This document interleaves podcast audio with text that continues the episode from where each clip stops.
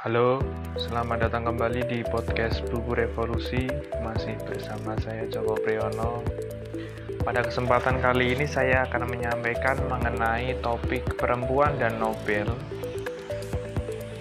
Bagaimana perkembangan dan hasil yang ada di dalam penghargaan Nobel di tahun 2020 eh, tepatnya pada tanggal 6 sampai 12 Oktober kemarin di mana ada salah satu peristiwa menarik di dalam penghargaan peraih Nobel di tahun 2020 terutama adalah tercatatnya beberapa daftar perempuan yang meraih hadiah Nobel. Kegiatan yang diilhami wasiat dan utang rasa kemanusiaan dari penemu dinamit dan ahli kimia ternama Swedia Alfred Nobel yang dihelat sejak tahun 1901 tersebut pada tahun 2020 mencatat keberadaan beberapa perempuan yang mendapatkan Nobel di masing-masing bidang keilmuan.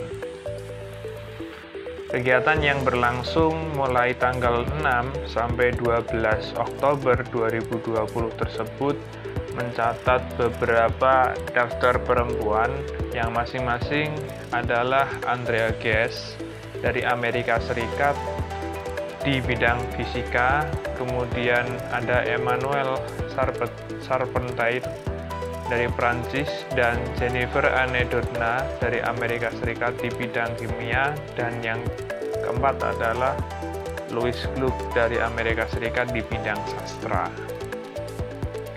Ada pergeseran yang cukup menarik ketika kemudian sekian nama sosok perempuan mendapatkan penghargaan di perhelatan tahun tersebut. Tentu saja ini menyiratkan akan bagaimana harapan dan peluang terhadap gerakan perempuan dalam dunia ilmu pengetahuan. Selain itu, membuka tabir demi tabir atas permasalahan yang kerap kali muncul uh, khususnya di dalam diskursus ilmu pengetahuan yakni kesenjangan gender yang kerap menjadi uh, permasalahan tersendiri dalam ilmu pengetahuan. Di era perkembangan dan kemajuan ilmu pengetahuan yang dinamis dan cepat ini, Penghargaan Nobel memang dapat dikatakan sebagai sebuah representasi akan kekuatan revolusioner ilmu pengetahuan yang dikemukakan oleh ilmuwan maupun ilmuwati dengan berbagai gagasan maupun temuan untuk sumbangsih terhadap peradaban dunia. Nobel menjadi pembuka cakrawala baru dalam fajar peradaban abad ke-20 yang mana ia kemudian menjadi sebuah citra akan upaya revolusioner dalam perkembangan ilmu pengetahuan. Revolusi yang menandaskan langkah baru dalam perkembangan akal daif manusia sebagaimana pernah dikatakan oleh pegiat isu sains dan uh, pegiat pustaka bergerak Indonesia ya Nirwan Ahmad Arsuka lewat pidato kebudayaan yang berjudul Persakapan dengan Semesta di mana pidato kebudayaan tersebut disampaikan pada perhelatan Dewan Kesenian Jakarta atau DKJ tahun 2015. Metode ilmiah yang menjadi tulang punggung ilmu pengetahuan lambat laun menemui titik sempurna, utuh, dan lengkap dalam menggambarkan realitas. Nah, ini senada dengan apa yang menjadi hakikat dari ilmu pengetahuan. Sejatinya ilmu pengetahuan itu tidak berbicara benar dan salah, tapi berbicara mengenai realitas apa yang baik dan realitas apa yang buruk. E, tidak lain ilmu pengetahuan mencoba untuk e, berlomba-lomba menemukan metode ilmiah dalam penggambaran sebuah realitas. Nah, keberadaan empat perempuan dalam penerima penghargaan Nobel di tahun 2020 itu tentunya perlu kita apresiasi bersama-sama. Peristiwa itu setidaknya menjadi sebuah momentum penting akan andil dan keterlibatan perempuan dalam perkembangan ilmu pengetahuan. Ya, memang demikian. Menilik apa yang kerap terjadi dalam realitas perkembangan ilmu sampai saat ini masih menghadapi sebuah masalah masalah tersebut yakni bias gender dalam ilmu pengetahuan. Fakta dan catatan terkait bias gender di dalam ilmu pengetahuan, salah satunya pernah diungkapkan oleh dua akademisi perempuan yang masing-masing berasal dari Universitas Cumbria dan Universitas Huddersfield, yaitu Susan Wilbraham dan Elizabeth Caldwell.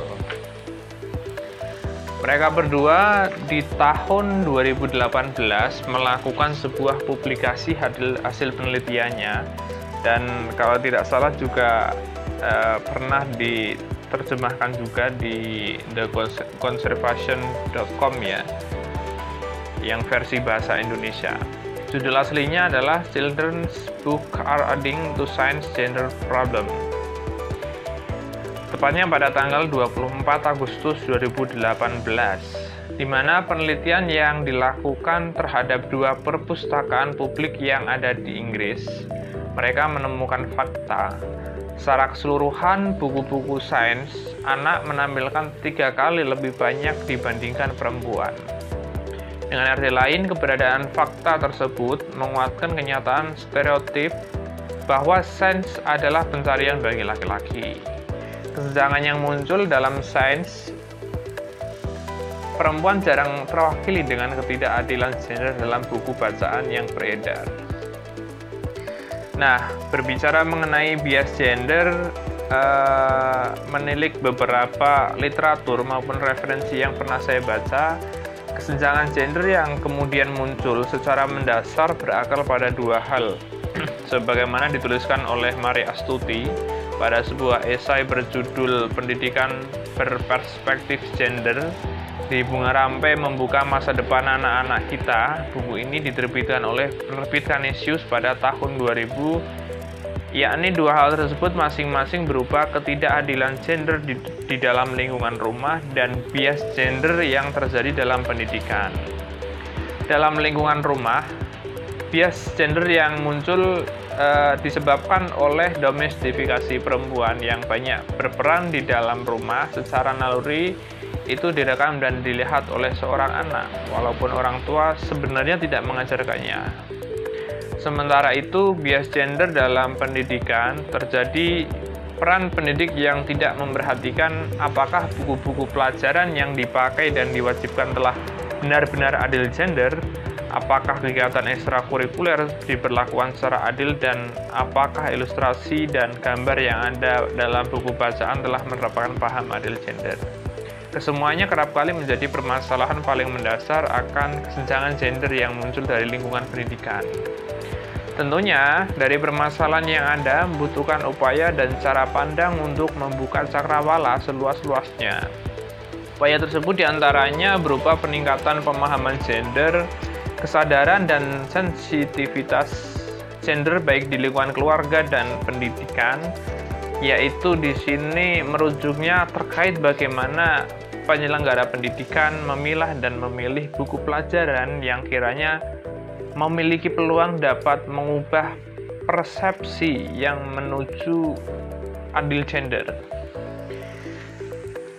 Sains sejatinya banyak berutang dengan keberadaan sosok perempuan itu tak dapat ditampik. Kalau kita kembali pada penghargaan Nobel, kita ingat akan salah seorang ilmuwati kelahiran Polandia, Marie Curie, di mana dalam sejarah sebagai sosok perempuan yang pertama kali mendapatkan Nobel. Tepatnya pada tahun 1903 dari bidang fisika atas jasanya dalam penemuan beberapa unsur radioaktif.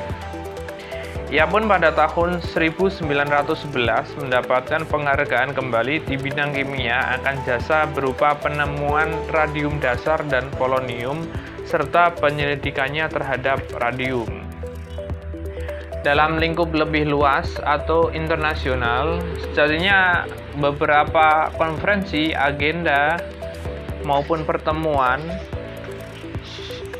sudah pernah dilakukan sebagai upaya untuk mendorong dan mewujudkannya kesetaraan gender.